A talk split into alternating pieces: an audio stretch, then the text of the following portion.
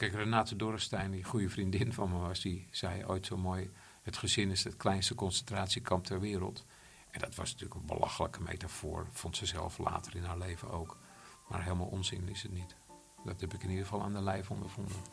Je hoort Frank van der Linden, bekend van krant, radio en televisie. Een gevierd en beroemd interviewer, maar ook iemand die jarenlang de ander nodig heeft om zijn eigen gevoelswereld te kunnen begrijpen. Inmiddels stromen zijn tranen rijkelijk als het smeltwater van dat in hem wat decennia lang bevroren is geweest.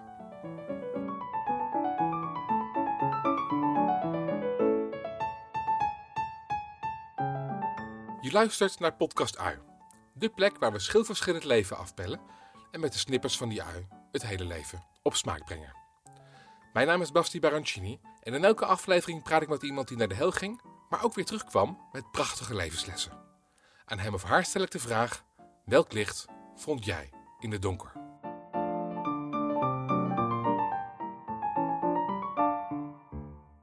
Goed, Frank van der Linden dus. Als kind verklaarde hij zijn eigen moeder voor dood. Na de scheiding van zijn ouders kiest hij partij voor vader en dat blijkt achteraf een grote fout. Misschien zou je kunnen zeggen dat de scheiding en daaropvolgende doodverklaring tot op de dag van vandaag zijn leven kleuren. Een bijzonder pad dus dat hij recent opschreef in een boek met de veelzeggende titel En altijd maar verlangen. Frank, goedenavond. Hoi. Um, hoe oud was jij toen jij je moeder dood verklaarde? 13 of 14. Uh, en dan ook dood voor altijd. Hoe doe je zoiets? Ik uh, zei tegen mijn zusje deze, een jaar of twee jonger dan ik. Uh, ik vind dat we de advocaat van mama een brief moeten schrijven en de rechter die de echtscheidingszaken doet, uh, om te laten weten wat we denken en wat we voelen. En, en dat is dat we haar nooit van ons leven meer willen zien. Nooit van je leven meer? Daar was deze het mee eens. En vervolgens zijn we buiten medeweten van mijn vader in de pen geklommen. En hebben we die grootste fout van ons leven gemaakt. Is het doodverklaren van je moeder, is dat, een, is het alleen maar het hebben van geen contact? Of ook een innerlijke beweging? Het is een groot blijk van liefde, weet ik nu. Ja? Het is een sok die je binnenste buiten trekt. De ene kant op uh, is het uh, beminnen en de andere kant op is het haten. En het is net zo'n sterke betrokkenheid eigenlijk, maar dan de andere kant op. De schaduwzijde van liefde? Ja, je, je, je laat eigenlijk blijken hoeveel iemand je wel niet waard was en stiekem natuurlijk nog steeds is. Als je onverschillig staat tegenover iemand, is dat oneindig veel erger. Wat je daarmee ook doet, uh, als je je moeder doodverklaart, is jezelf afsnijden van liefde.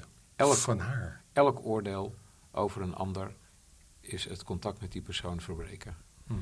Uh, dat geldt ook voor jezelf. Als, een, als je tegenover iemand zit en die beoordeelt jou, zelfs als het heel positief is, maak je tot een soort van afgod, dan voel je eigenlijk dat de uitwisseling wegvalt. Dan is het geen gesprek meer. Dus je wordt gekwalificeerd, in een hok geplaatst of op anderszins gevangen gezet. Hoe voelt het om afgesneden te zijn van, ook van de liefde van je moeder? Ik had het heel erg koud.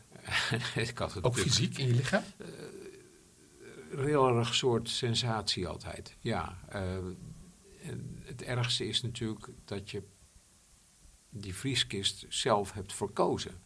Je zou het een iglo kunnen noemen. Hè? Bedoel, mensen die in een iglo zitten, die hebben het zogenaamd niet zo koud. Um, maar ondertussen, uh, ik ben uit vrije wil in die iglo gaan zitten. En op den duur merkte ik het waarschijnlijk niet eens meer dat het daar kil was. Uh, nou, was het een mentale kilte of ook echt fysieke kilte? Nou, het gek is, ik heb nooit van mijn leven een trui aan. En bijna ook nooit uh, een, een, of zoiets. Ik krijg het al heel snel bloedheet. Ik heb een hoge verbranding. En ik, ik denk dat ik enorm ben gaan stoken in mezelf. Om het warmer te krijgen, omdat ik het koud had. Het is een absolute veronderstelling hoor. Ik kan geen meetlint meenemen om dat te bewijzen. Maar ik vind het wel wonderlijk dat ik een lichaamstemperatuur heb die drie, die drie tiende hoger schijnt te zijn dan gemiddeld.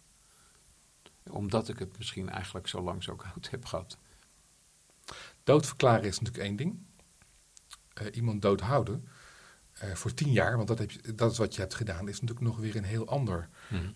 uh, iets. Hoeveel, hoeveel, hoeveel energie kost dat? In het begin viel het wel mee. Uh, toen waren we aan het overleven met mijn vader, hè, met z'n drietjes thuis. Dan moet je heel veel organiseren. Je moet leren stofzuigen, je moet leren koken. Ik scoorde drieën op, op, op, de, op de school, op de HAVO. Bleef in de tweede zitten. Maar ontwikkelde me thuis heel uh, snel. Uh, mijn vader die gaf zijn uh, loonzakje aan mij, zo'n bruin dingetje, weet je wel, met een paar honderd gulden erin. En dan kreeg hij zakgeld van mij en de rest gebruikte ik met deze om boodschappen te doen. Je vader was veel weg, dus jullie deden ook eigenlijk het, jullie runden een, een huishouden. Ja, en hij kwam volkomen verzenuwd van die DAF af elke dag, die vrachtauto. Dus ja, zo, zo waren wij druk in de weer. Maar wat vroeg je ook alweer? Uh, Of het veel energie kost om iemand dood te houden? Uh, ja, dat, dat, dat viel in het begin zoals gezegd mee, want we waren busy. Maar op een gegeven moment dan treedt er iets van rust in. Uh, en dan ga je afvragen, god, die brief die ze heeft gestuurd, zal ik die nou wel weer verscheuren? Want dat deden we in het begin. Elke week arriveerde er een brief van mama. Dat Elke week arriveerde er een brief? Ja, aan het handschrift kon je dat zien. En dan maakten we daar snippers van uh, voor de ogen van mijn vader om maar te laten zien hoe loyaal we aan hem waren. Nou ja, dat, dat, dat wordt, op een gegeven moment wordt dat moeilijker om dat te doen. Je, je, krijgt een zekere nieuwsgierigheid. En zeker in de fase dat we een stiefmoeder uh, over de vloer kregen, die ook een paar kinderen meenam. Uh, en wij toch het idee hadden dat dat een soort van heks was, ontstonden er ja, verlangens naar mijn moeder. Die voelden we zogenaamd niet, maar ja, we voelden ze wel. En uiteindelijk heb ik zelfs op, een dag de strijkbout gepakt toen mijn vader niet thuis was en zo'n brief uh, opengestoomijzerd. en uh, die brief. Zodat je en aan je vader niet hoefde te laten zien dat je niet verscheurde en hem mm toch kon lezen. Ja, Wat en, stond erin? Uh, louter liefs. Um, ik had een hele zachte, aardige moeder. Uh, ook wel een wijze moeder. Uh, een van de mooiste brieven was dat uh, ze had gehoord dat ik naar de school van de journalistiek ging. dat ze bang was dat ze me dan helemaal niet meer zou kunnen vinden. Dat ze me het allerbeste wensen in mijn leven, in de liefde.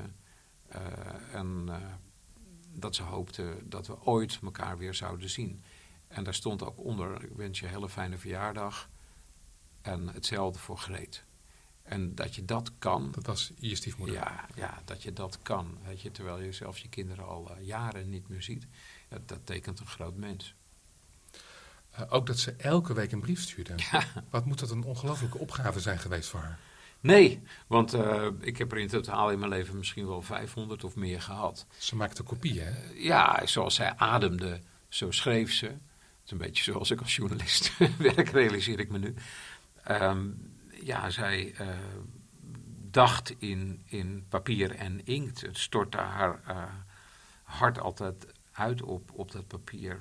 Uh, dus, en louter lief? Ah, kijk, ze was ook een neurotische vrouw. Een hele onzekere vrouw. ze was altijd maar iets kwijt. Je hebt natuurlijk een brief geschreven met je zusje aan de rechter... waarin je schreef dat je haar nooit meer wilde zien. Hmm. Dat had ook bij haar bitterheid kunnen veroorzaken. Maar nou, naar jullie toe was ze altijd lief ik denk dat het zeker grote bitterheid opriep tegenover mijn vader. die zei ervan verdacht dat hij dergelijke ideeën bij ons had geplant en stimuleerde. Wat tot op zekere hoogte ook zo was. En ze zal uh, idem dito uh, zich niet positief hebben gevoeld tegenover Greet, stiefmoeder. Maar ons heeft ze het, naar, naar ik ja, van haar zelf ook heb gehoord, eigenlijk in de directe zin nooit kwalijk genomen. Zij redeneerde dat zijn kinderen van, van 11 en 13 uh, en ja, dat ze het uh, een paar jaar te lang volhouden. Ja, zo gaat dat. Dan zit je in een schuttersputje, dan kom ja. je er niet makkelijk meer uit. Weet je, zij was een, een typische belichaming van de gedachte: behandel een ander zoals je zelf behandeld wil worden. Uh, zij kon uitzonderlijk lief zijn. En de keren dat ze krengig was, dan was het meer uit onzekerheid, die dan in agressiviteit werd vertaald. Hè, een soort van angst, zelfbescherming in het overdrevene. Eerder dat dan een slechte inborst. Ja. Wat voor vrouw was dat? Nog meer dan wat je nu beschrijft?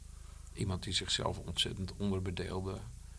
Uh, lagere school, niks meer. wc's schoonmaken daarna, terwijl ze een groot hart had, een groot hoofd had. Uh, haar droom opgaf om iets te gaan studeren. Uh, ja, toen die trucker van tien jaar ouder plotseling uh, bij een fonteintje in een park verscheen en zei: uh, Wat heb je een mooie fiets? Uh, die, ja, die lieverd die, die ging gelijk aan een gezin beginnen. Ik bedoel, ze was 21 uh, toen ze deze en mij had. Dat is allemaal iets te snel natuurlijk. Ja. Dan blijft er heel weinig ruimte over voor jezelf. Het, het was een, een, een, gouden kooi.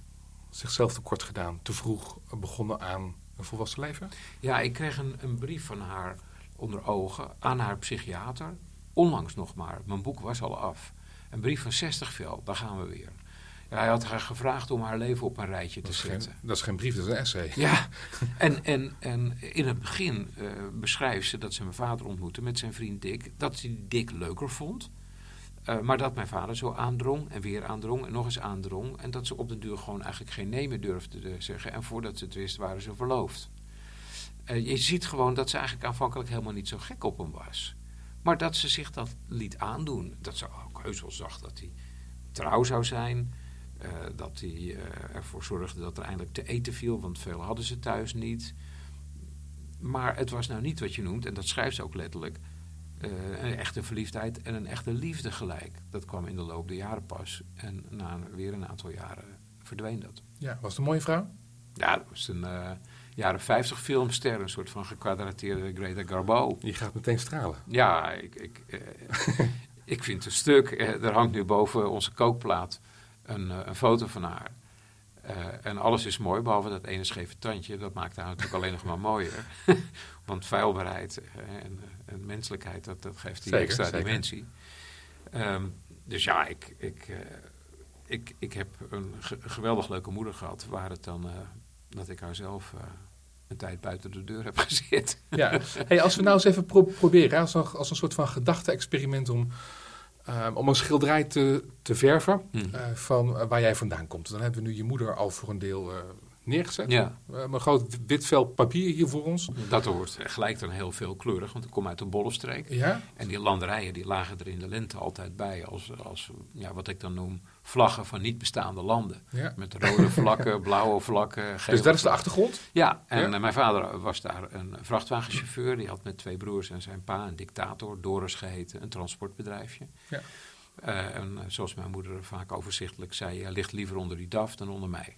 Ja. Hij werkte 80 uur in de week. Dus als we het schilderij tekenen, dan, dan zien we hem met een, uh, een sleutelbos. Ja, Of een truck op de achtergrond. Uh, nou, de voorgrond. Oké, okay, ja. ja. En dat uh, vond zij natuurlijk al heel snel niet geweldig leuk meer. Maar kijk, mijn vader die heeft... Want ze kreeg onvoldoende aandacht. Ja. Maar ja, goed, hij heeft de charme aan zijn kont hangen. Iedereen vindt hem uh, leuk, iedereen vindt hem sympathiek. Zelfs als hij buldert, zelfs als hij zich niet gedraagt... Of als hij uh, naar een van zijn 17 pornokanalen zit te kijken. Het is die gekke, warme, ongelofelijke Jan van der Linden. De, de, de, de, chauffeur van het land. De king of the road, zoals hij op zijn cabine had staan. En ook een goede vent. Kijk, als jij met pech langs de weg stond, dan stopte mijn vader. En toen hij een meisje voor zijn vrachtwagen kreeg... en, en dat meisje onder de hele wagen doorging... en alles brak wat er te breken viel... omdat ze zelf zo stom was om met de fiets over te steken... op een moment dat niet kon... Dan ging hij wel naar het ziekenhuis en dan uh, stond hij bij haar bed. Uh, terwijl hem geen blaam trof. Uh, mijn vader was op zijn eigen manier ook een, een geweldige vent. Je schetst net bij je moeder in elk geval ook het menselijk onvermogen of het menselijk tekort. Wat is dat bij je vader? Dat hij te veel had van iets. zijn tekort was dat hij te veel ego had. En uh, de kamer vulde. En mensen stuk drukte tegen de muur. het ging alleen om hem. En ja, ik heb helaas bij het schrijven van dit boek stukje bij beetje ontdekt dat ik mijn held verloor. Mijn vader was heel lang mijn held. Ik koos tenslotte ook voor het wonen bij hem met Desiree. We waren een van de eerste kinderen in Nederland die aan de vader werden toegewezen. En die held ben ik eigenlijk verloren afgelopen paar jaar. Uh, ik ben gaan zien dat mijn vader mijn moeder uiteindelijk toch emotioneel heeft mishandeld. Uh, en dat het mij altijd begrijpelijk is dat ze bij hem vertrok. Dat zijn, dat zijn grote woorden. Op wat voor manier heeft, ze, heeft hij haar emotioneel mishandeld? Hij heeft haar niet lief gehad. En voorgespiegeld dat dat wel het geval was. Hij heeft niet naar haar gekeken, hij heeft niet naar haar geluisterd. Is een tekort mishandeling? Nou, uh, hij um, heeft dat heel wel bewust gedaan, jammer genoeg. Heel veel mensen wezen hem daarop. Zij zelf natuurlijk uh, in de eerste plaats.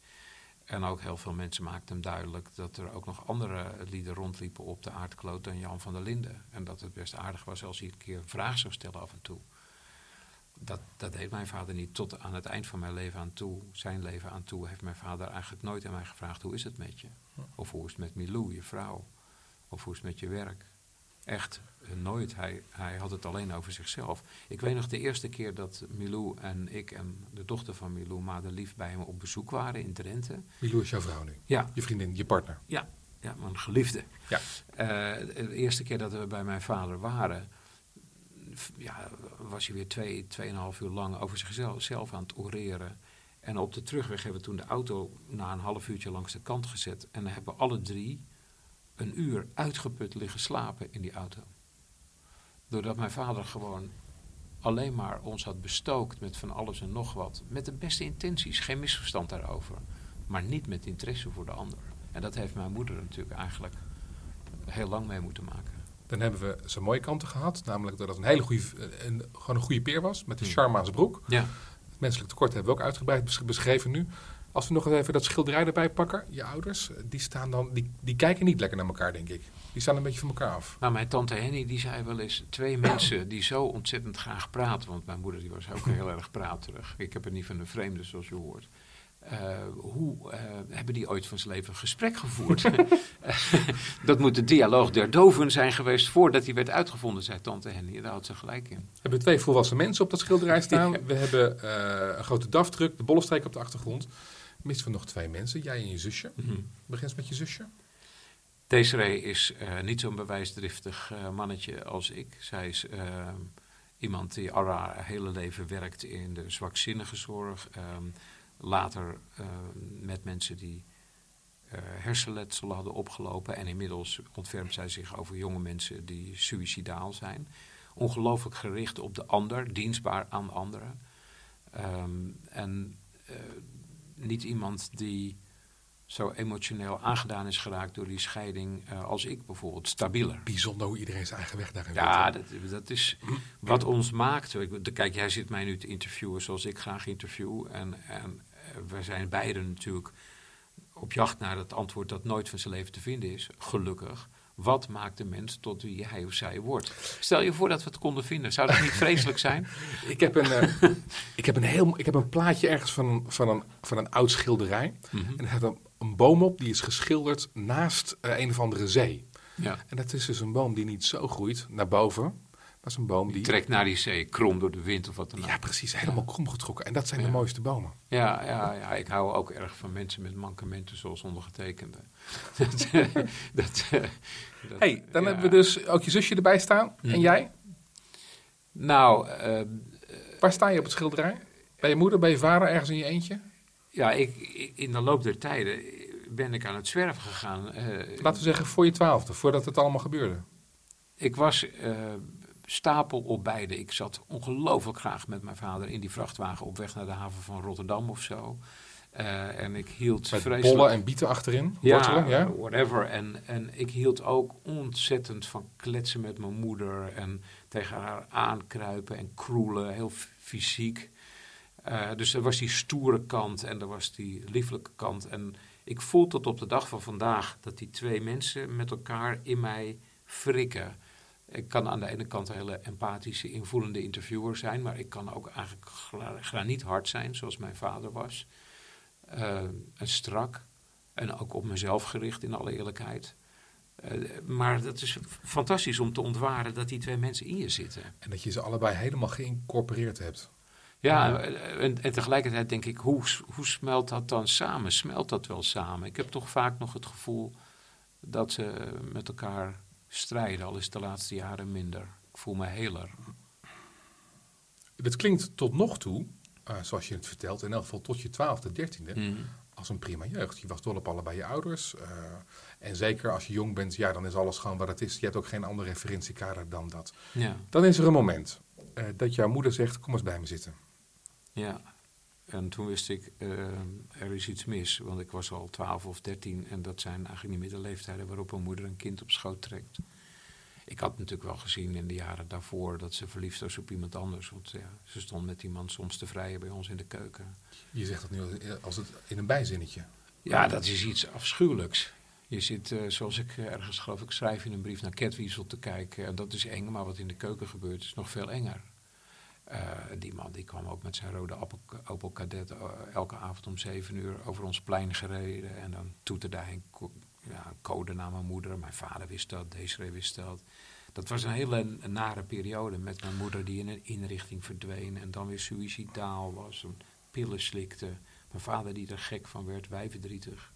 En als ze dan je dan op schoot neemt, dan weet je hoe laat het is. Ja, het verbaast me dat je uh, zoveel pijnlijke details, zoveel pijnlijke momenten eigenlijk aaneen rijgt uh, in één ademhaling. Op het moment dat ja. de vrijer van je uh, moeder hmm. elke avond om zeven uur hmm. voorbij komt rijden en toetert, dat is vernederend. Voor ja, je, op zijn minst voor je vader. Ja, met name voor pa natuurlijk. Uh, ik zie hem nog zitten zo met, met een lepel, dan rolde hij zo het vel op dat op zijn uh, puddingje lag, dat mijn moeder elke dag voor hem maakte. En uh, als John dan, zo, zoals mijn moeders minnaar heette, voorbij kwam, dan, dan keek hij naar dat vel. En dan wachtte hij tot het getoeter was afgelopen en dan schoof hij dat zo naar binnen. En dan zat hij dus ondertussen mijn moeder aan te kijken, zo van wat doe jij en wat doet die klootzak mij aan. Goed, lange aanloop, je wordt bij je moeder op schoot getrokken. Je denkt, dit is mis. Ja, ze zei, ehm, ik hou heel veel van jou en van deze Dus eigenlijk niemand van wie ik meer hou. Dus wat mensen nu ook nog zeggen tegen jou en tegen haar, dat moet je echt geloven. Dat is werkelijk waar. En de volgende ochtend was ze vertrokken. Ja. En wanneer? Ja. Ze was natuurlijk al vaak vertrokken, maar altijd wel de hoop achterlatend dat ze terug zou keren. En dat eh, was over het algemeen ook wel zo, maar die keer voelde ik wel dat, uh, dat de kans heel groot was dat ze niet zou terugkeren. Wat was het verschil met de vorige keren? Nou, dat symbolische van je echt helemaal op schoot trekken en een verklaring afleggen. en ook al preluderen op, ja, preluderen op wat er gaat komen. De vragen die je als jongetje gaat krijgen. De, de kritiek die op haar zal neerdalen. Al, daar nam zij al een voorschot op. Ja. Maar goed, we hebben het um, overleefd. En nu zeg ik wel eens... Ik had die scheiding nooit willen missen. hebben we nu het gezin goed geportretteerd? Of, nou ja, of, heb, of, heb, ik nog iets anders nodig om jouw verhaal goed te kunnen begrijpen? Hmm, dat is een hele mooie vraag overigens. Um, nou ja, de, wetenschap dat families toen nog veel meer families waren dan nu. Je, je, je, zag elkaar veel meer. Families zijn nu eilandenrijken met sommige delen die elkaar helemaal niet meer bereiken, niet aan elkaar vastzitten. In de tijd eh, ja, was je met, met 50 man op, op kerstochtend bij eh, de ouders van mijn vader. En met Pasen eh, bij de ouders van mijn moeder. En iedereen ging met elkaar om. Je was close, zeker in een dorp. Dat lijkt nu allemaal een paar eeuwen geleden. Dat was toen, lieve mensen, echt zo.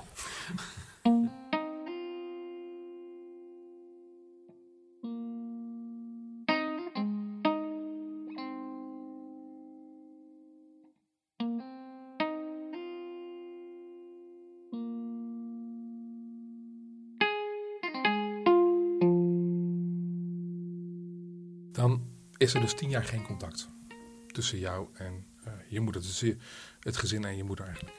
Als buitenstaander denk ik dan, of hmm. zou ik dan denken, hmm. dat dan de dagen voorbij tikken. Tot er misschien weer wel een keer contact is. Voelde dat van binnenkant ook zo? Nee, want er gebeurde ontstellend veel. Ik ehm, kreeg er een nieuw gezin bij met deze en mijn vader. Hè, Greet met haar kinderen in een bomvol huis. Een, een per ongeluk geboren kindje was helemaal niet de bedoeling. Dat kindje kwam onder een transportauto van ons eigen bedrijfje achter het huis. Iedereen was ontstellend druk bezig om zich overeind te houden. Weet je, dat was een grote pijn op een al bestaande grote pijn. Ik, eh, ik ging, naar de school van de journalistiek, kreeg geen beurs, uh, opnieuw moeten proberen te overleven. Er was heel veel strijd om overeind te blijven. Dus het deed overleven is dit. Het deed wel, ja, het deed wel pijn eh, dat mijn moeder er niet was en dat ik dat zelf eigenlijk zo had verkozen. Maar er was ook heel veel gelegenheid om dat over het hoofd te zien of weg te duwen. Want, want er deed zich nogal wat voor. En je moet je voorstellen dat ik al een paar jaar interviews maakte met houten methoden, of het nou ministers waren of CEO's of cultuurpauzen. Hebben interviews waarin ik ontdekte van ja, waar twee vechten hebben, twee schuld. Dat was ik al een aantal jaren aan het doen voordat ik langzaam maar zeker tot het besef kwam dat tussen mijn vader en moeder ook niet zo simpel kon zijn geweest als dat één helemaal schuld heeft en de ander nul. Was dat, was dat wat je met de ministers en andere uh, houten methoden ontdekte? Nou ja, dat, dat, dat, is heel logisch. Ik bedoel, je hoeft je maar uh, even te verdiepen in een conflict te, tussen uh, Drachten en Sneek. En je, en je weet, ja, de ene wethouder heeft niet per se 100% gelijk. En, en de andere, ja. Kan, ja, ik kan me voorstellen ja. dat er andere mensen in je leven komen die je daarop beginnen te wijzen. Nou, Bijvoorbeeld vrouwen. Nou, het was meer ja, aan de lijve ondervinden. Lineke was, was mijn eerste grote liefde. De kleindochter van de oprichter van de EO. Heel gereformeerde meisje, mag ik wel zeggen. Vrouw wou ik zeg maar. Lineke was 17 of zo. En ja, zij uh, passeerde mij door te zeggen: Je hebt het volste recht om je moeder niet te willen zien. Ik hoop dat jij begrijpt dat ik het volste recht heb om haar eens op te zoeken. En om te beginnen met haar te gaan schrijven. Hallo, uh, wat krijgen we nu? Uh, ja, en vervolgens kwamen er verhalen dat het een leuke vrouw was, uh, die dat en dat verhaal vertelde. Ja, wat toch niet helemaal strookte met de lezing van mijn vader, of wat ik erover uh, bij elkaar had verzonnen. Ja, dus dat droeg heel snel bij aan de wens om die moeder dan toch daadwerkelijk zelf te ontmoeten met deze. Is dat ontdooien? Ja, dat is het. Lineke die bracht een zekere ontdooiing teweeg. Ik kon nog steeds heel moeilijk bij mijn emoties. Dat zou nog jaren duren voordat die echt onder het ijs vandaan kwamen. Ook in de relatie met haar. Maar zij zorgde er wel voor dat ik in ieder geval op rationeel niveau besefte dat het zo niet door kon gaan. Nou zegt Connie Palme altijd zo mooi: het verstand kan gevoelig zijn. Dat was hier gelukkig ook wel zo. En het gevoel kan verstandig wezen. Dus we moeten dat niet zo scheiden, rationeel en emotioneel. Hoe dan ook. Ik was niet een vol mens. Dat zou nog, nog heel lang duren voordat ik dat een beetje durfde te zeggen over mezelf. En Lineke bracht iets teweeg waardoor ik in ieder geval een beetje voller mens werd. Wat miste je in jezelf als je geen vol mens was? Ik, ik, ik, ik had eigenlijk geen voor mezelf echt waarneembaar gevoelsleven. Uh, ik had van de week ook nog een interview met een jong iemand, ja, wiens vader en moeder op een hele ernstige manier een vechtscheiding hadden doorgemaakt. En hij zei ook, uh, ik kan niet eens vrijen met iemand anders. Dat kon ik gelukkig heel goed. Want ik voel niets, niet alleen niet in mijn hart, maar ook lichamelijk doet het me eigenlijk niks. Nou, zo erg kan het zijn dat je gewoon helemaal afgesneden raakt van jezelf. Mag ik een nog andere suggestie doen? Mhm. Uh, als je uh, je moeder afwijst, dan wijs je dus ook de helft van jezelf af. Namelijk het hele vrouwelijke stuk. Ja, uh, ik geloof niet zo in een scheiding tussen mannen en vrouwen. Ik ken een hele masculine vrouwen en hele feminine mannen. Het maar en het vrouwelijke dan, maar. Ja, in principe. Het, je wijst de helft van jezelf ja, af. Als we zeggen het het, het gevoelige wordt vooral toch vertegenwoordigd door de vrouw in ons leven, dan, dan, ja, dan is het niet gek natuurlijk dat door je moeder de deur te wijzen en haar op de brandstapel te zetten, dat je jezelf ook ontdoet van het gevoelige. Ja. Dat, dat, ja, dat is zo'n zo'n gevalletje in je eigen voet schieten, hè, om het heel voorzichtig uit te drukken. Ja. Hoe is dat, uh, hoe heb je dat contact weer uiteindelijk hersteld? Nou, Desiree had uh, op de zwakzinnige inrichting waar ze toen al werkte een pastoor. Die werd door mijn moeder benaderd uh, toen mijn moeder al zo'n beetje contact had met Lineke. Uh, of die pastoor kon bemiddelen tussen haar en ons, Desiree en mij. En dat deed die man, Kees van Op Zeeland, ongelooflijk goed. Dat was een soort van Kofi Annan avant la lettre. een schitterende diplomaat, die toen mijn moeder een jaar of negen overleed, ook uh, zo lief was om de uitvaartplechtigheid te leiden. Toen hebben we hem na honderd jaar weer opgezocht. Wat een feest om die kerel weer te zien. En hij wist en mij duidelijk te maken dat we er gewoon heel goed aan zouden doen om mijn moeder op te zoeken. Dus uh, op zeker moment kwam zij naar het huis van Desiree in Hillegom. In de Meerstraat. Daar zaten we op haar te wachten. En ik zal nooit van mijn leven vergeten hoe zij de trap op kwam als een trillend espenblad, zo ontstellend nerveus. Ongeveer net zo nerveus als wij waren. en dat we daar in dat gangetje stonden en automatisch eigenlijk allemaal een stap naar elkaar toe zetten. En, en geen hand gaven of zo, maar elkaar in de armen vlogen. En ja, je, je, je, je duwt je nek, je duwt je hoofd in de nek van je moeder. En uh, zij, zij haalt haar handen door je haar. En dan komt er een geur in je neus. En die zegt tegen dit is, dit is, dit ben ik, ik ben je moeder. Je ruikt je moeder. Dus als een dier neem je je moeder waar. Er is maar één iemand die zo ruikt. Dan is het eigenlijk al goed. Heel raar. Dat, dat, eh, dan is het bij vingerknip al over een heel groot deel in ieder geval opgelost. Dat moment in het halletje, is, mhm. dat, is dat misschien een gekke vraag hoor, maar is dat, is dat een einde of is dat een begin? Het is het allebei. Het was het einde van de periode waarin zij werd geacht niet meer te bestaan. En het was uh, het... Nieuw tot leven wekken. Ja, eh, maar niet alleen de relatie tussen ons weer tot leven wekken. Eigenlijk was het ook uh, het begin van zelf, in mijn geval, weer een stukje bij beetje tot, tot leven komen. Want er is dan toch al een jaar of tien iets behoorlijk dood in je. Ja, en het is wel maf. Hè, Begint dat, op dat moment zelf te leven weer? Ik, een van de problemen in, in, in interviews en überhaupt in het leven die ik ben gaan krijgen, is dat ik minder en minder geloof in psychologie. Het is geen exacte wetenschap. Je, je, je, kunt niet net zoals in de natuurkunde of zo vaststellen of iets wel of niet zo zit. Dus eigenlijk, kunnen we wel stoppen dan. Nu. Nou, dat denk ik vaak als ik zie het interviewen tegenwoordig.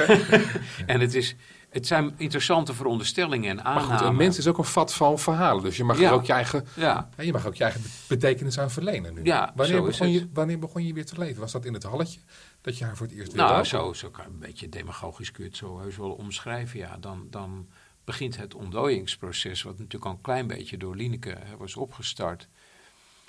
Maar ja, ik, ik was ook zo vreselijk druk bezig met een belangrijke journalist worden.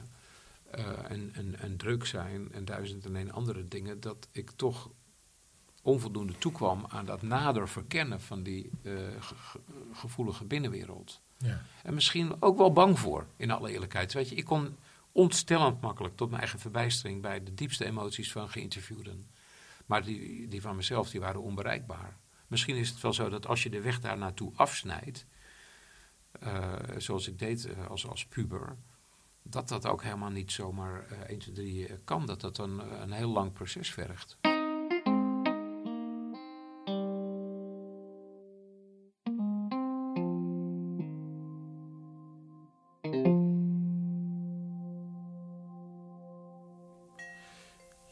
Ben nu 63. Ze zeggen het. Klopt, hè? Dat staat in elk geval in het staat in elk geval in je paspoort. Uh, als je nu naar je litteken kijkt, mhm. wat dit heeft opgeleverd, want het is wel een flink litteken, denk ik. Wat, hoe, wat zie je dan? Nou, het is een groot litteken, ja, maar het, dat is zo verbijsterend als je een wond oploopt, hè, hoe, hoe goed dat kan helen. Het, het is alleen zo dat wanneer het uh, regent of ander raar weer is, dat het zomaar weer kan trekken, kan opspelen. Gebeurt dat, nog steeds? Dat blijft wel. Ja? ja. Wat voor momenten? Nou, in een, in een gesprek als dit bijvoorbeeld merk ik dat ik aan de rand van emoties zit af en toe. En uh, dat ik uh, een beetje een sentimentele dweil ben geworden. Ik, het is de laatste paar jaar echt... Um, de klok slaat even door naar de andere Ja, wonderlijk om zo emotioneel uh, te zijn. En Heb je het met verjaardagen of met kerstmis? Of met, met, met, een film. Daar zit je voor een film van de week uh, Beautiful Day in the Neighborhood op Netflix over een, een, man, een journalist ook toevallig, die niet bij zijn gevoelens kon en een compleet geblokkeerde relatie met zijn vader heeft. En die een stukje bij beetje uh, tot de ontdekking komt dat, ja, dat, dat er zo geen afscheid kan worden genomen, dat hij die vader niet zo kan laten sterven ja, dan kan je mij opvegen. Hey, en als je, als je dan zegt, hè, van het, het, het gebeurt eigenlijk de hele tijd door. En hmm. zelfs als je naar, naar Netflix aan het kijken bent, hmm, hmm. is dat een goed teken of is dat een slecht teken? Is, is de wond dan aan het helen?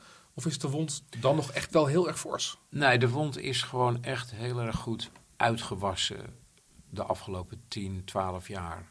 Om te beginnen door het maken van een tv-documentaire. Tien jaar geleden? Uh, ja, over mijn ouders, waarin... Uh, ze zich uitspraken over elkaar. Een film die uiteindelijk tot hun verzoening leidde. En een prachtige misschien wel de mooiste avond van mijn leven opleverde. Omdat ze als tortelduiven drie uur lang op de rand van een bank zaten. Toen heb ik gehuild na 40 jaar. Heel erg ook op een heerlijke manier, kan ik je vertellen. Het is, dat uitwassen van die wond is toen heel goed begonnen. En dat is daarna doorgegaan. Dat is gezuiverd, dichtgenaaid of geraakt. En een mooi litteken geworden. En ja, nu zit ik er weer aan te pielen door zo'n brievenboek te schrijven. Uh, maar dat voelt dan toch wel fijn eigenlijk. Het is niet een irritatie of iets pijnlijks. Het is van, goh, kijk dat daar nou eens mooi zitten. Dat is wel goed geheel, zo langzamerhand. Ik zou graag met je willen kijken naar uh, in elk geval twee andere uh, dingen Mhm. die het mogelijk heeft opgeleverd voor je. Mhm.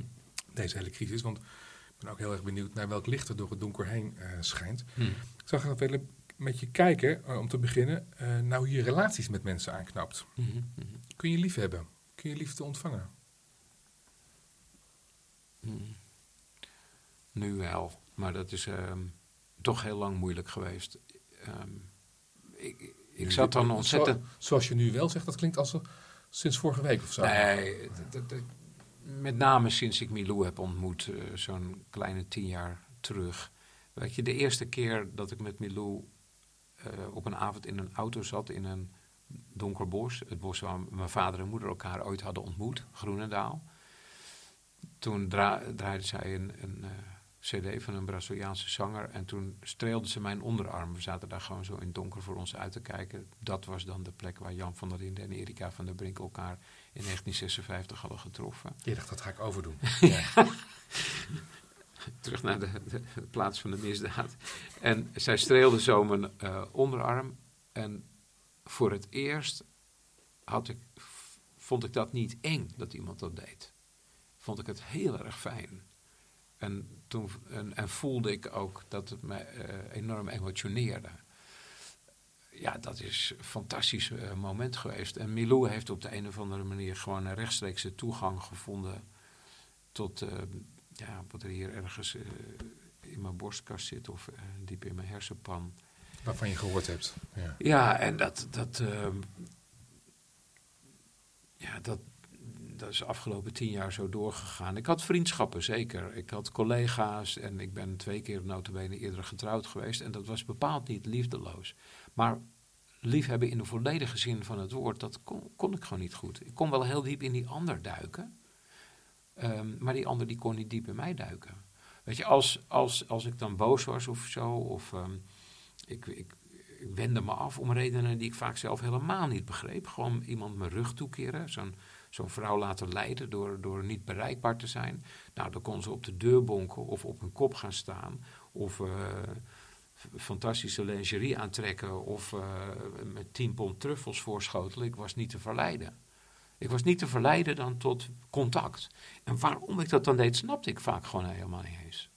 Ik wilde niet, kon niet bereikbaar zijn. Heel, heel raar, balsturig, bozig jongetje. En nou, Milou die heeft daar vanaf seconde één gewoon totaal aan voorbij geleefd. Heeft dat jongetje gewoon genegeerd. En contact gezocht met wat er eh, achter zat of in zat. En wat deed dat met jou? Moest je toen opgroeien? Ja, Ja, dat weet ik niet. Ja, nou, dat is in de emotionele zin van het woord zeker wel. Ja, dat, kijk, als, als, dat, als je dat universum. Als dat kleine jongetje gewoon laat staan, dan moet je wel. Ja, als je, als je dat, dat universum van de emoties zo laat in je leven binnentreedt, dan is daar nog een hele hoop op te steken. En dan, ja, in zekere zin heeft Milou mij misschien wel opgevoed.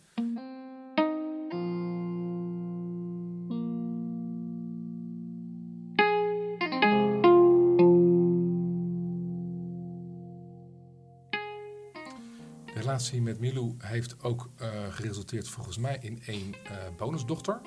Ja, Zo noem je dat, hè? ja. Je hebt geen eigen kinderen. Nee, dat is. de Is dat een kwestie van het is je niet gegeven? Of is het een bewuste keuze ook? Na alles wat je zelf hebt meegemaakt en de pijn daarin. Mm, ik, ik hou nooit zo van of-of vragen als je me excuseert. D- er zijn talloze andere mogelijkheden. Ik denk dat ik het in essentie gewoon niet heb gedurfd, omdat ik voelde dat ik het niet kon. Dat, dat ik gewoon niet in staat zou zijn om echt een kind op de wereld te zetten en mijn verantwoordelijkheid te nemen. En Waar was je het meest bang voor? dat dat kind hetzelfde zou gaan meemaken als het ik had meegemaakt. Dat, kijk, ik, ik voelde, ik ben eigenlijk niet tot een volwaardige liefde in staat. dus wat ik met een vrouw heb, dat was met Lineke al zo en later met Annette zo, dat is niet stabiel. Dat, dat, dat, ik, ik, ik had het idee dat gaat op een dag eindigen. En als daar een kind in is, dan gaat dat, dat kind het risico lopen een soortgelijk tracé af te leggen als traject af te leggen als wat ik heb afgelegd. Terwijl je net ook zegt, uh, met alle welnemen, uh, dat het je ook heeft gevormd tot wie je bent. Jawel, dat maar... je het graag nog een keer had willen meemaken. Nou ja, ik heb het... Ik, heb van dat enorme nadeel dat scheiding van mijn ouders heet... een enorm voordeel gemaakt door er ontstellend veel van te leren en ook heel veel... Uh, maar dat zegt niet dat je het een ander gunt. Nee, nee. Ik, weet je, ik wil het echt niet voorstellen als de derde wereldoorlog, maar het was vreselijk genoeg. Kijk, Renate Dorrestein, die goede vriendin van me was, die zei ooit zo mooi: Het gezin is het kleinste concentratiekamp ter wereld. En dat was natuurlijk een belachelijke metafoor, vond ze zelf later in haar leven ook. Maar helemaal onzin is het niet. Dat heb ik in ieder geval aan de lijf ondervonden. Op welke manier heeft deze gebeurtenis, toen je 12 jaar oud was, en met een grote aanloop, maar in elk geval ook de scheiding met je moeder, uh, jou gevormd als journalist? Jou professioneel gemaakt tot wie je bent? Nou, daar heb ik dan wel weer een ongetwijfeld niet deugende psychologische veronderstelling over. Um, kijk, in de tijd dat mijn vader en moeder uh, elkaar de hersens insloegen en er wel eens politie over de vloer was en ik weet niet wat allemaal, was het voor mij als jonge jongen heel erg van belang om, als er iemand voorbij kwam, me af te vragen: wat voor rol heeft deze figuur in dit hele spelletje? Is dit die roddelende gemeene buurvrouw? Is dit een politieagent die echt uh, komt helpen de boel uh, uh, tot vrede te brengen? Of geniet hij eigenlijk alleen maar van de shit waarin hij belandt? Hoe oh, zit die politieagenten die kamer over de vloer? Ja, ja, ja. waarom zit die oom elke dinsdag, als mijn vader niet thuis is, bij mijn moeder op de rand van de bank? En wat heeft ze dan precies met, met een buurman? Want er waren wel meer mannen die mijn vrouw, mijn moeder als een soort van Greta Garbo zagen. En dat instinct wil ik maar zeggen, om je af te vragen welke persoon heb ik tegenover me en hoe zit die in elkaar en wat is de agenda van die persoon. Wat wil je daarmee bereiken? Nou, ik denk dat dat, dat, dat mijn survival mechanisme was als kind. En dat ik daar uiteindelijk mijn vak van heb gemaakt. Grip krijgen op wat er is? Nee, ja, bedoel, wat is het leven willen begrijpen? Dat is mensen willen begrijpen. Het is, ik, ik ben natuurlijk bezig al, al 40 jaar met de zoektocht naar mezelf en het leven snappen via de omweg van het interviewen van anderen. Daar, dat, dat is mijn volkshogeschool van het leven. Je, je veert ook helemaal op, je begint te stralen, je, begint, dat, je begint te lachen. Bedoel, wat is er mooier dan de ene dag in een vliegtuig naar Peking en de andere dag op, op bezoek bij een geweldige schilder? Dan weer uh, met een voetballer aan de praat en de volgende keer met een denker. Niks mooier, daarom delen wij hetzelfde vak, dat weet ik. Maar is het, is het dat je ook op zoek bent naar agenda's? Je zegt ik ben op zoek naar agenda's. Ben ik op zoek naar trauma's van andere mensen? Want trauma's kunnen jou het meest nou, eh, raken, denk ik. ik ben je bang dat mensen weggaan bij je? Ik kijk per persoon wat naar mijn gevoel de interessantste vraag is. En dat kan soms een trauma zijn. Ben je ook op zoek uh, bij, bij een persoon wat het meest gevaarlijk is? Ook, maar ik ben toch in de kern op zoek naar de vraag... wat uh, zijn de factoren geweest die jou het meest hebben uh, gemaakt, hebben bepaald. Hoe, hoe, zit het Zwitserse uurwerkje in elkaar? He, dat je probeert iemand open te maken en dan zie je al die veertjes en die bewegende onderdeeltjes. Dat waanzinnig fascinerende, onbegrijpelijke ding dat uh, in dit geval hoofd en hart van iemand heet. Ja. Ja, dat is toch ongelooflijk ja, om dat te mogen verkennen. En dat is altijd weer anders. En je zegt dat je ehm, jezelf hebt proberen leren te kennen via de ander? lang heb ik de journalistiek dus als een omweg naar mezelf uh, beschouwd. En nu is de toegang gelukkig daarnaast ook een veel directere. Nu, nu kan ik ook beter in mezelf blikken. Weet, weet ik een beetje waar Abraham de emotionele mosterd haalt. en uh, als het mijzelf niet lukt, dan, uh, dan komt Milou wel aangesneld. Ik bedoel, die ook godsschrift aan de mensheid niet is, begrijp me goed. Ik, ben stapel op er en, en, en de liedjes en de talenten en, er, en er alles. Uh, maar ja, het, het is ook een, een wonderlijke, onbegrijpelijke artiest die totaal intuïtief leeft en à l'improviste. Ze is uh, zangeres en cabaretier, ja, toch? Ja, en, ja, ik denk soms... ja, ja, en ik denk soms wel eens, Lou, eh, zoals jij mij gelukkig uit ehm, de teugels hebt gehaald eh, en, en mij hebt geleerd wat ja, gewoon voelen is, heb ik een beetje meer ordening in jouw leven gebracht en eh, ook een, een onsje meer ratio. Ik denk dat, dat we elkaar veel hebben gebracht. Ehm, als je je kleine jongetje, als je die kleine Frank van 12, 13, Mhm. Nog een keertje eh, op schoot zou mogen nemen. Wat zou je hem zeggen dan met alle kennis en wijsheid die je... En bedoel je dan het jongetje dat ik toen was? Ja, Het komt goed. Eh, Je mag huilen, je, je, je mag bang zijn. Dat is hartstikke logisch gegeven wat er aan het gebeuren is. Maar het, het komt goed, je, je gaat het halen. En eh, je komt er rijker uit dan je erin bent gegaan. moet inpraten. Ja, eh, Hoe had, zo- hoe had hij erop gereageerd?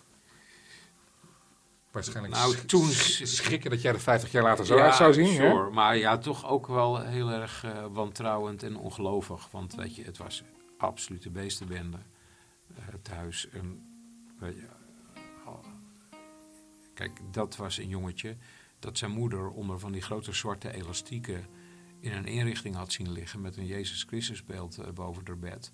Een psychiatrische inrichting. Ja, zwaar onder de valium of wat het ook voor pillen geweest eh, waren. Eh, en da- dat jongetje zou dus bij de mededeling het komt goed toch wel even zijn wenkbrauwen hebben gefronst. Hoe dan, wanneer dan? Ja. Maar hij zit hier nu, het valt wel mee.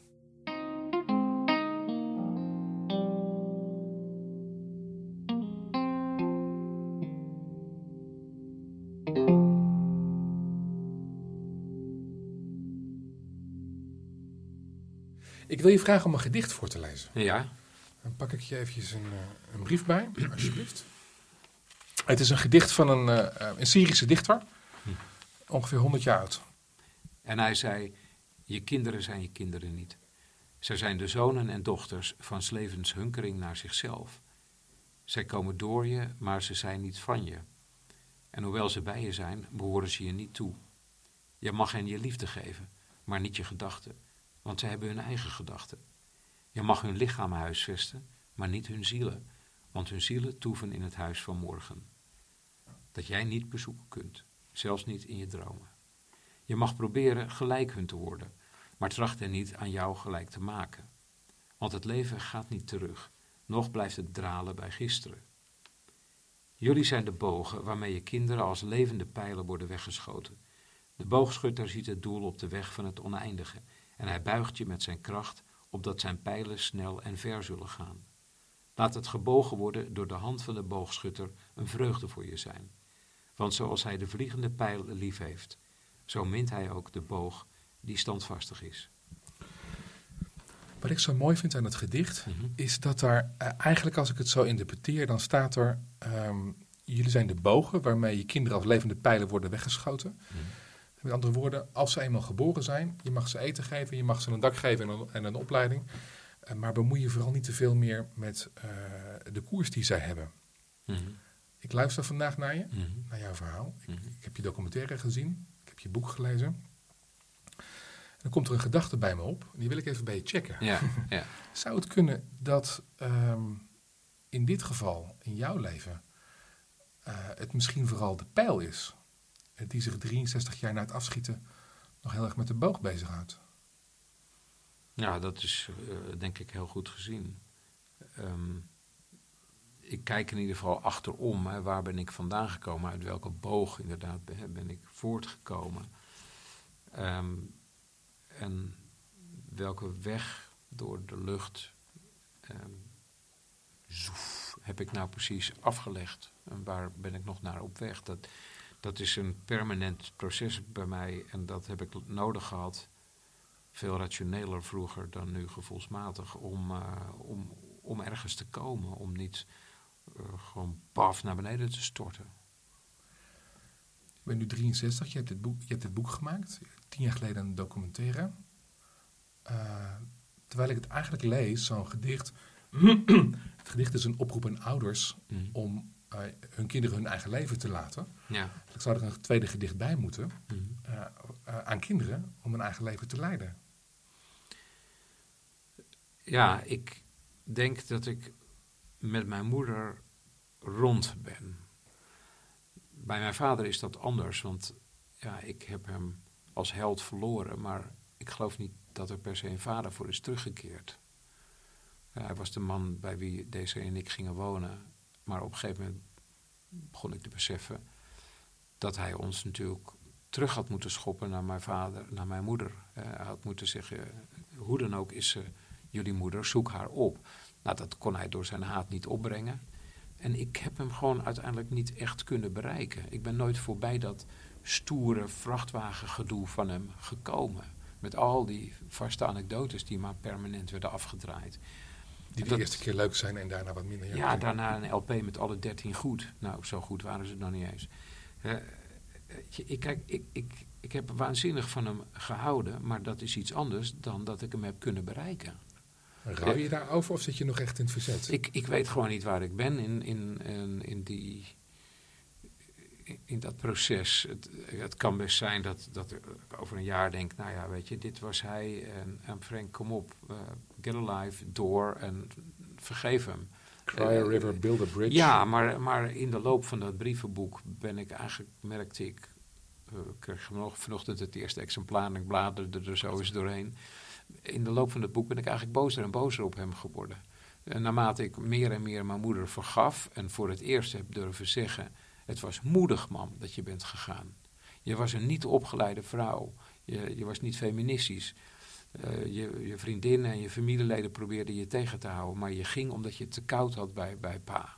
Hè? Wat in die tijd. Ah, dat was een revolutie om dat te doen. Hè? Heel knap. Uh, zeker in die kringen, uh, eind jaren zestig, in een dorp. Um, nou, dat is dus een, een, een, route die ik heb afgelegd naar durven zeggen, mam, dat is heel moedig. Maar ik heb nooit mijn vader uh, ja, kunnen vertellen dat ik hem het tegendeel van moedig vond. En je hebt hierin dus nog geen perspectief gevonden wat je rust geeft. Ja, dat is, uh, dat, dat, dat is zo. En ik ben benieuwd wat dat nog gaat opleveren. Maar ja, af is het leven nooit.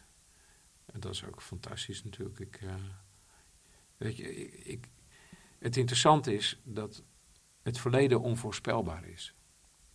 Want naarmate jij je ontwikkelt en op een nieuw punt in je leven komt, door een ontmoeting met iemand, door het lezen van een boek, door het bereizen van een land, verandert jouw blik op dat verleden. Want je bent een ander persoon door die nieuwe ervaringen. En dus uh, is dat verleden aan permanente verandering onderhevig en onvoorspelbaar. Het verleden is ten diepste onvoorspelbaar. Mijn verleden, jouw verleden, ons verleden. We kijken nu ook anders naar de politionele acties uh, dan we jarenlang hebben gedaan. Het, het, verleden is altijd maar in beweging. Ongelooflijk mooi is dat. Dus er, er, komen voor mij nieuwe kansen naarmate mijn leven vordert uh, om terug te blikken op mijn vader en hem weer anders te gaan zien. En ik hoop dat we in ieder geval op die manier elkaar weer vinden. Ja. Je hebt een brievenboek gemaakt waarin je je ouders brieven hebt gestuurd. Mm Komt er antwoord terug? Of is het, ja, of is het eenrichtingsverkeer? Nee, dat is, dat is wel, wel uh, ook dat is een, een, echt een goede vraag. Um, want ogenschijnlijk is het natuurlijk zo dat je een brief aan iemand stuurt, uh, ja, en dan verdwijnt hij in een zwart gat. Maar het is natuurlijk eigenlijk uh, een, ten diepste een dialoog die je met die ander hebt, omdat je door te schrijven uh, dieper denkt en dieper voelt. En je dus indirect toch verstaat met die persoon. En als je alleen maar zit te denken aan die persoon, is dat anders dan wanneer je, er, wanneer je schrijft. Ja. Uh, ik hou enorm van radio en ik hou enorm van televisie, maar ik hou toch het meest van schrijven. Ja omdat je dan... Maar je verstaat je ermee, dat, kan een, dat is eenrichtingsverkeer. Ja. Of het kan een dialoog zijn. Nou, ik, je met iemand verstaan is in mijn optiek ook echt ermee uh, in contact zijn. In ieder geval dat contact zoeken en ook in de veronderstelling verkeren dat je door dat denkproces uh, verder komt met die ander wat in dialoog. Je, wat krijg je terug van ze nog? Ik, het gekke is dat ik nu bijvoorbeeld denk dat mijn moeder mij voorhoudt: wees niet zo streng tegenover pa. Ik denk dat zij zou, zou zeggen van... Uh, ik ben natuurlijk hartstikke kwaad op je vader geweest... dat hij jou in deze zo lang bij me heeft weggehouden. Maar kom op, uh, Frank, hij heeft ook maar geroeid met de riemen die hij had. En, uh, en plant ze dat in je hoofd dan tijdens het schrijven? Ik zit, als ik zo zit te schrijven en, en me in haar verplaats en in mijn vader verplaats, dan, dan heb ik het idee dat ik dat terugkrijg. Dat dat de echo is die ik zelf oproep. Frank van der Linden, dankjewel. Oké.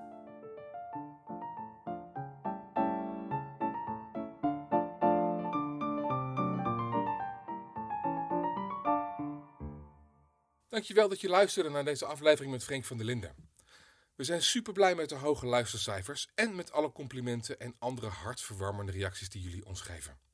Ze steunen ons in het idee dat we een toffe podcast aan het maken zijn, waar mensen echt met plezier naar luisteren. Dankjewel. Alles over het boek van Frank, over de gebruikte muziek en over ons vind je trouwens in de show notes van deze aflevering. Over een paar weken zijn we weer bij je terug met een nieuwe serie afleveringen.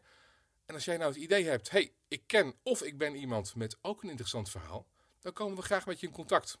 Op onze website staat uh, nog een kleine maar handige checklist. Maar over het algemeen geldt, we krijgen graag tips voor verhalen die in dit format passen. Wij gaan er een paar weken tussenuit om nieuwe afleveringen te maken. We zijn heel gauw weer bij je terug. Dag!